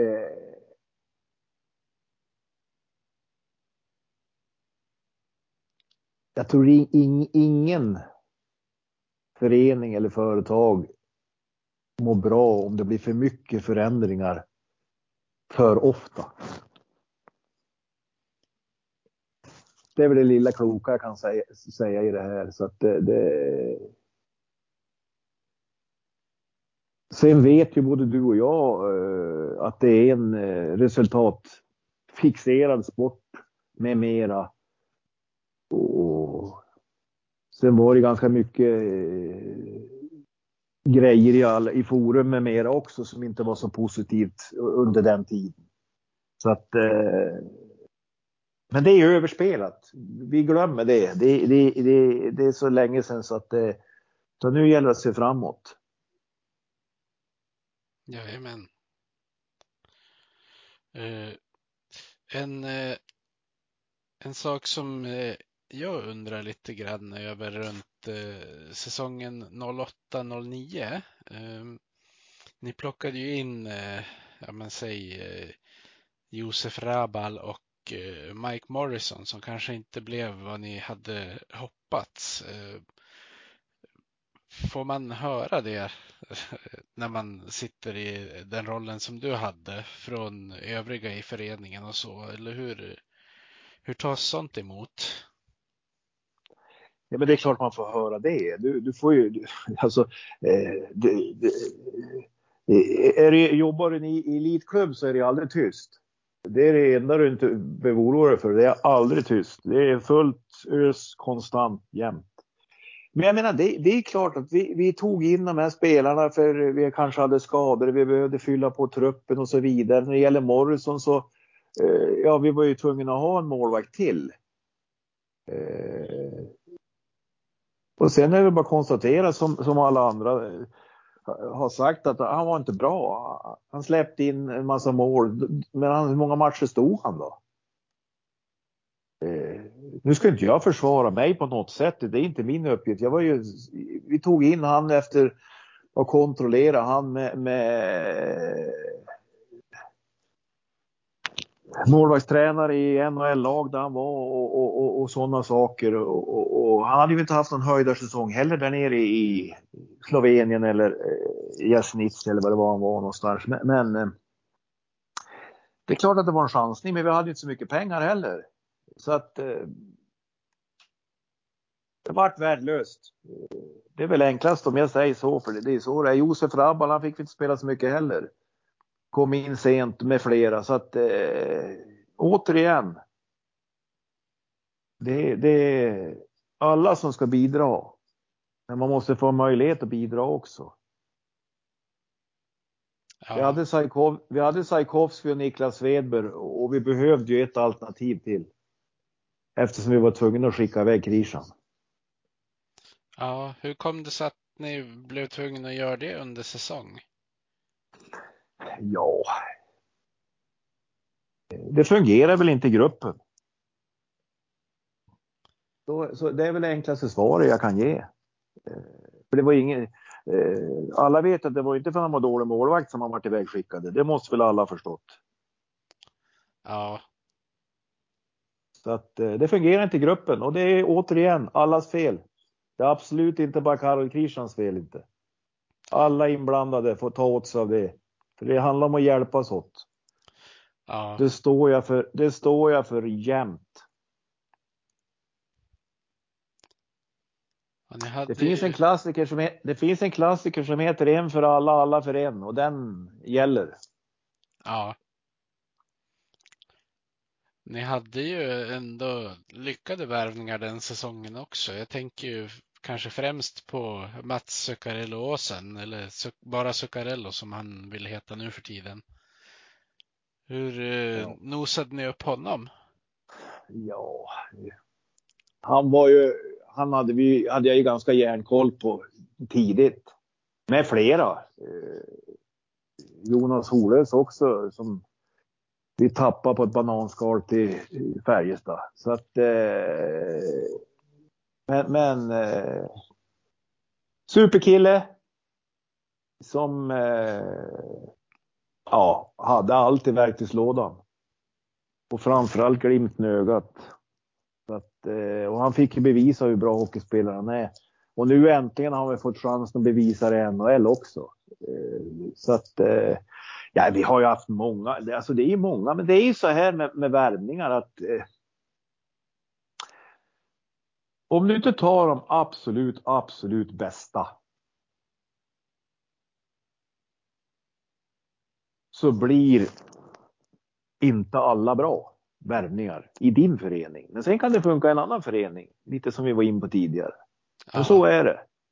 Och, eh, Modo Hockey har aldrig och kommer aldrig vara en klubb som kan betala dem mest. Och det ska vi inte vara heller, för det är inte en sån förening.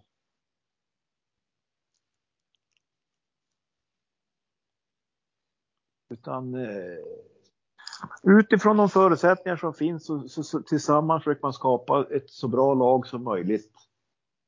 Ut efter en röd linje och en röd tråd med en målsättning.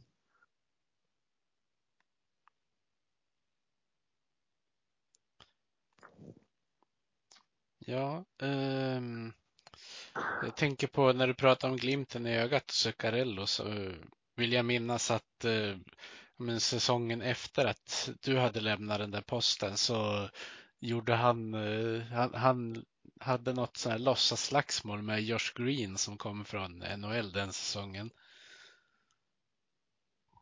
Det måste ju, det måste ju vara lite glimt i ögat när det blir så där. Jo, men han hade ju glimten i ögat och, och jag menar. Eh, vi hade, ju, vi hade ju den turen i alla fall. Jag hade ju skrivit ett nytt treårskontrakt med honom då innan jag fick sparken. Så att jag menar, eh, han var ju en fantastisk lirare. Nu for han ju tidigare till, till NHL, men alltså eh, varje match som han har fått vara och lärt sig och spela med de andra eh, superkillarna i Modo så, så hade det ju varit fantastiskt om han hade kunnat komma hem på något gästspel eller något sånt där. Men, men det är väl långsökt. Så att, eh, för det är ju en, ja det är en sån här spelare som, som det är lätt att ligga en varmt om hjärtat. Ja. Precis som en stenhård tuffing är likadant. Va? Så att jag menar det är ju, det är ju vissa som, som, som, som, som har lätt att smälta in och vara så. Ja. Men visst hann du börja bygga laget lite för den kommande säsongen innan du fick lämna din post där? Ja, jag hade inte, hade inte hunnit så långt. Jag hade mycket som var på gång. Så att, eh, men Zuccarello skrev ju nytt, eller förlängde till tre års då. Och Sen hade vi gjort klart med han eh, boxplay-specialisten från norska landslaget som spelar i Storhamar och Christian Forsberg. Eh, ja, eh, det var säkert någon fler också. Jag måste, det, är så länge sedan nu så man, man, man, man, måste, men man måste uppdatera sig för, för att och, och, men nu har vi ställt ett bra lag på benen. Det har jag varit orolig för det.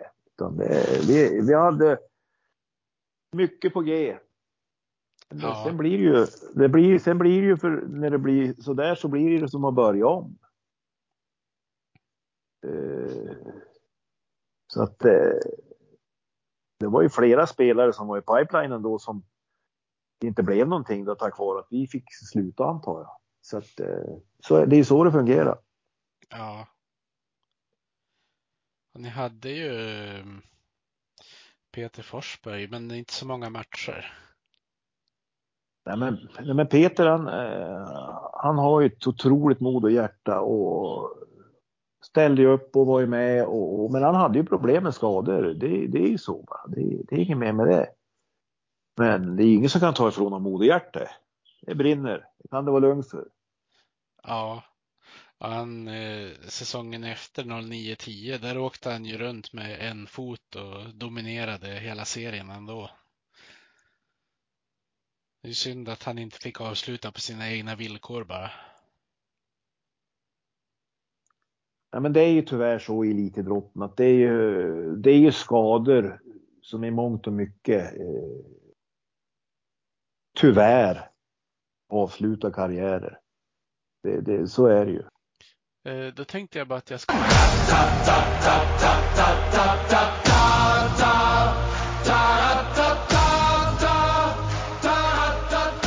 Supporterfrågan.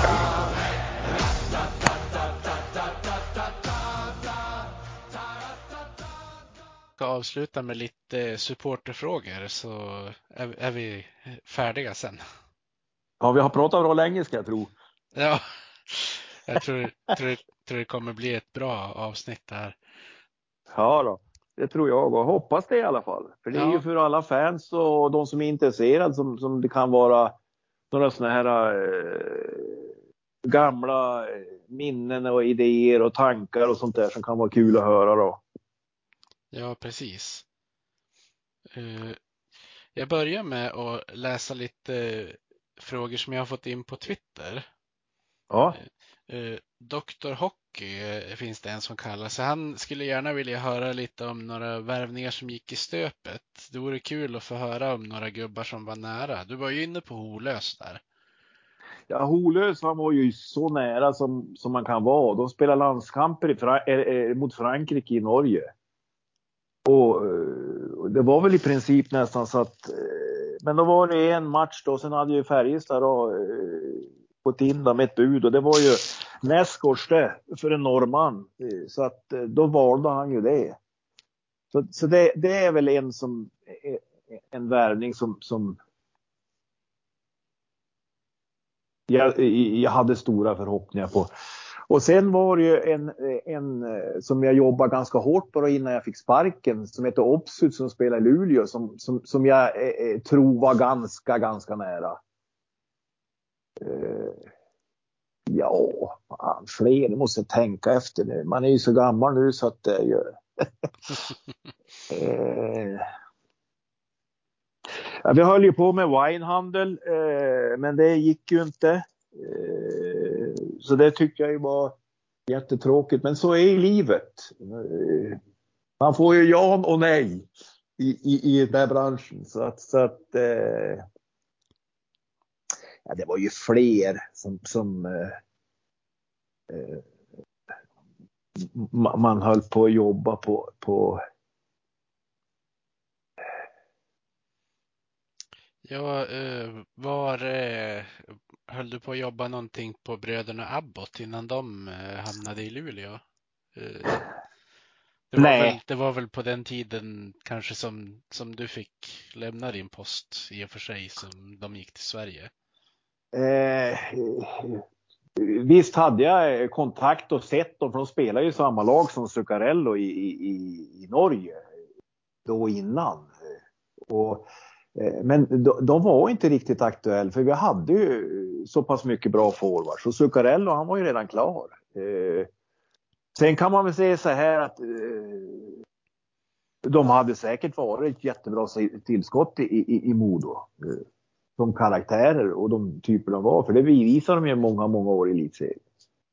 Men, men de var inte jätteaktuella, det kan jag inte säga. Och det, hade, det var ju av de här anledningarna att vi hade redan spelare Ja. För det är ju så också att eh, det är olika lönenivåer på olika spelare också. Och man kan inte ha för många eh, i samma nivå. Utan man måste mixa. Ja, precis. Eh, det finns en Twitter-användare som kallar sig för Gevagel. Eh, han ställer frågan, hur tänkte du när Jerry lättade på lädret för att köpa in Morrison, Kusela och Blattny? Eh, förstod du att detta var pengar Modo kanske inte riktigt hade? Ja, jag kan säga så här. Är det någonting jag är trygg över så är det ledningsgruppen och de ledare som var Modo. Och vi har aldrig gjort någonting om vi inte haft pengar. Det kan jag tala om för det. Utan vi hade snarare så vi hade lite extra ladna om vi skulle behöva. Så att eh, det var inget problem med det. Jag hade en budget och den var, var väldigt viktigt att jag höll. Mm. Så var det. Eh, sen har han ställt en annan fråga som är lite med glimten i ögat. Då. Är, är, du själv duktig på att ta ner passningar som kommer stenhårt i midjehöjd? Det, är väl, det var väl någonting som kallades för äckepassningar, har jag för mig. jag vet inte. Den som är, eh, de två som jag eh, vet som har varit bäst på det, det är väl Micke Hjelm och, och, och i, i viss mån Susse. På de där och ta dem där i luften. Eh, att jag slog sådana där passningar, det hände säkert. För det är ju så att det går ju att ta emot pucken med hand också. Ja. Eh, Rasmus Eriksson, han undrar eh, vilken som var den bästa värvningen under din tid? Ja, det är nästan omöjligt att svara på. Alltså, för det, det har ju lite grann med eh, närvaro och hur. Alltså jag kan ju räkna upp. Alltså Skröder, Susse. Eh, om du tar två, Zuccarello. Alltså jag kan ju fortsätta så här eh, om man börjar tänka efter. Kosela. Men alltså Kosela han var ju bara några månader. Eh, Justin Morrison var ju en fantastisk värvning. Han var ju skadad. Alltså de här som kom hem, det var ju också fantastiska värvningar. Så att eh, många som, som eh, jag tror alla modoiter är stolt över att vi har fått hem tillbaka och som har värvat till Övik. Ja. Eh, Adam Westlin, han undrar om, om du får Eh, jämföra trupperna du, du byggde under dina tre år i Modo. Vilken tyckte du var bäst på pappret? Eh. Ja. När säsongen börjar och, och, och, vi, och om vi utgår från det eh, så, så, så eh, skulle jag vilja säga att de var nog ganska eh, likvärdig.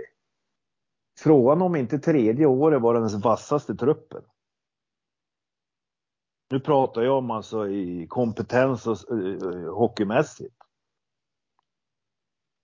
Ja. För det, det, jag måste ta från i, i princip i början av säsongen för sen kommer det in för det blir skador och grejer och det, det är helt omöjligt och det faller bort någon och sådana här saker. Utan, eh, så tror jag. Vi hade, vi hade bra lag alla tre åren. Ja visst. Eh, sen har jag fått lite frågor på Facebook också. Håkan Strömmer, han undrar vad var nycklarna i ditt lagbygge som sedermera ledde till SM-guldet? Eh, min filosofi har alltid varit att man, man, man ska ha en, en, en, riktigt bra mittlinje. Det vill säga man ska ha en riktigt bra målvakt minst tre jättebra backar och helst tre jättebra centrar. Och så några, någon sån här, som jag säger, avslutare. Och sen får man bygga utifrån det. Därför det är mitten som är helt avgörande, alltid. I min värld. Sen kanske andra som har andra tankar. Men så, så, så tänkte jag och så tänkte vi nog alltid när vi diskuterade. Ja. Eh, han undrar också som du ser det, vad är de viktigaste komponenterna för att Modo ska bli ett stabilt SHL-lag igen? Ja, jag tror tålamod, försöka utveckla och, och behålla eh, unga talanger. Kryddat med bra proffs. det, det, är vad jag tror är nyckeln. För, för eh, jag tror på skynda långsamt. Eh, det, för det måste klaffa. Och speciellt som det är nu när man ska upp. Så det är ju en flaskhals Men, men det är ju, det är därför jag tror på det här. och så sen att mycket regionala spelare, så många det går. Om man två spelare att välja på, då ska man alltid välja, som är lika bra, ska man alltid välja den regionala spelaren. Det, det är vad jag tror. Ja, då kan man väl få ett, ett par eh, extra säsonger bara på hjärta kan jag tänka mig. Ja, men framförallt så är det ju så här att de drar med folk, det, det skapar mer intresse, de är lokal, folk känner till dem. Alltså det är lite sådana här saker som, som, som jag tror på.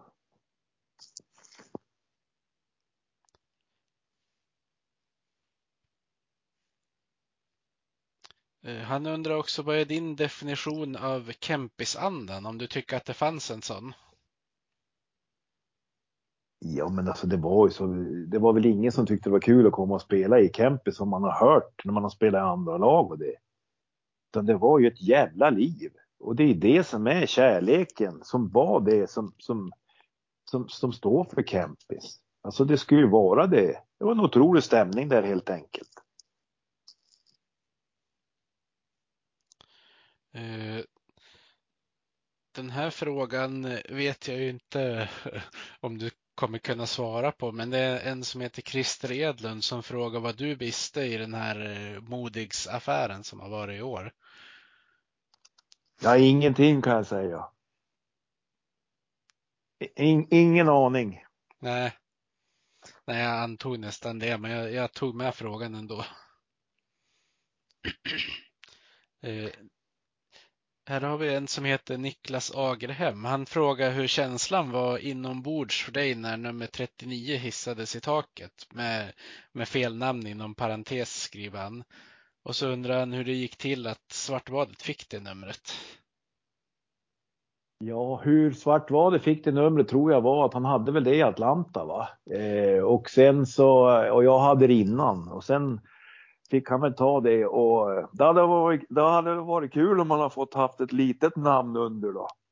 För jag menar Perra är ju en fantastisk kille och det är så att Nej, Nej, men jag tror många vet det att eh, 39 var ju mitt nummer och det är hans nummer och, och vi får hoppas att vi har gläd, skapar mycket glädje till många när vi har haft det där numret på oss. Ja, precis. Eh, David Hamilton, han undrar vilken match i Modo minns du bäst?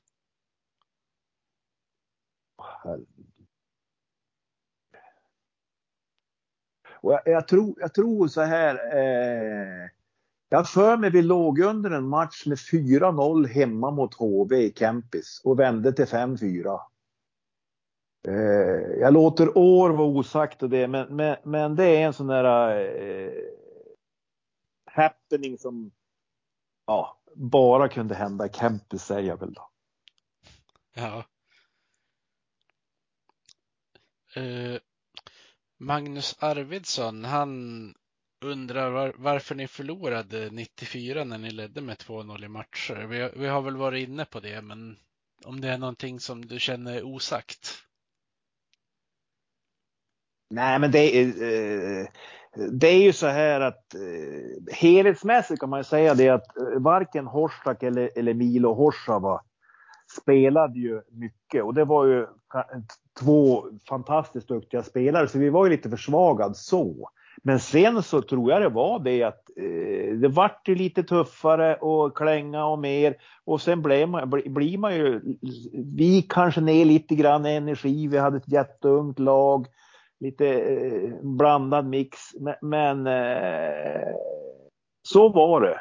Eh, det, det det är aldrig ens fel som jag sa, så det var inte bara domarens fel utan som många tycker. Men det är lätt att skylla på någonting. Utan jag, påstår att eh, vi föll med flaggan i topp, det är vad jag svarar på det. Ja.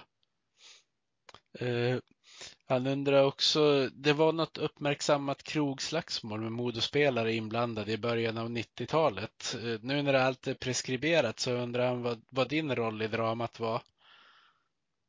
Ja, jag var väl en av många som blev inblandad, tyvärr. Med otroligt tråkigt. Men det är ingenting som man kan ta tillbaka heller, utan gjort är gjort. Men det var jävligt tråkigt. Ja. Eh, sen slutligen så undrar han, vad gör du nu idag och finns det några du hänger med i det gamla laget? Nej, vi bor ju i Nyland så att eh, det är i Bysse i sådana fall jag ska kunna hänga med då. Men sen träffar jag ju då eh, folk i Övik ibland och pratar väl någon gång med någon av spelarna ibland som, som man har spelat med och, och som man har haft då. Eh, och jag har jättebra eh, dialog och, och, med alla när jag träffar och pratar med dem. Sen är det ju så att man, man ska inte säga att man glider ifrån varandra, men det blir ju så. Man får ju andra saker att göra. Så att, eh, det är ju så det är. Eh, men jag har haft otroligt härliga lagkamrater under alla år som jag har spelat. Och otroligt härliga ledare när jag var ledare. Så att, eh, eh, det är ingenting jag skulle vilja ångra i alla fall, det kan jag säga. Utan det eh, är... Eh, Eh, då ska jag bara avsluta med att fråga hur, eh, hur följer du Modo idag? Jo, vi följer väl Modo lite sådär från, från, från sidan eh, och ser på matcherna och, och, och, vi var väl där på den där familjedagen nu med barnbarnen och, och såna här saker och sen var vi med eh, Rolle och några kompisar mot Löven hemma så att eh, jag har ju gått på några matcher här men, men inte något mycket utan man har så mycket annat att göra och så sen är det ju tvn så att men jag hoppas att framöver att man ska kunna gå på mer hockey för det är ju överlägset live så är det ju bara. Det, det är klart bäst. Eh, men sen har jag inte, det är ingen som har hört av sig heller, så jag har liksom inte, har inte någon kontakt med någon heller som är, har varit och är inne i föreningen. Så att jag menar, eh, det blir ju mindre på det sättet också. Ja, det kan jag ju tänka mig. Det känns ju som att Modo har eh, någonting bra på gång nu med Gradin och Karolin i spetsen i alla fall efter den här kaossäsongen som var i fjol. Jo men absolut, utan eh, det gäller att skapa eh, lugn och ro, tålamod och, och bygga därifrån. Börja med grunden och bygg uppåt. Så, så eh, förr eller senare så, så, så, så kanske man lyckas gå upp. För det är inget enkelt. Eh, det är inget enkelt. Det är en liten flaskhals längst upp där. Eh, det viktigaste tror jag det är att bli ett stabilt topplag. Och fortsätta och eh, utveckla unga spelare och kunna utveckla ännu mer unga spelare. Och bli, eh, om jag säger något som det var på min tid när, jag, eh, när de här kom upp, de här 73, 74, 75, att man blir lite av plantskola igen och, och bygger därifrån. Så man får mycket lokala spelare. Det, det, det är vad jag tror. För när det är där, då går man upp. Ja. Men, men jag tror det är svårt att köpas upp. Det, det, det, det, jag, jag tror inte på det. Det är för det är för små marginaler. Det, det, är alldeles för små marginaler. Ja, visst. Men då var det alla frågor jag hade till dig Jackie, så får jag säga ett stort tack för att du ställde upp och var med i podden. Det var jättekul. Ja, det var jättekul att få vara med och jag hoppas det, det är någon som har fått någon vettig info i alla fall. Så får, jag väl, får vi väl hoppas på det bästa för Modo Hockey framöver här. Och att eh, de går upp då. Ja, precis.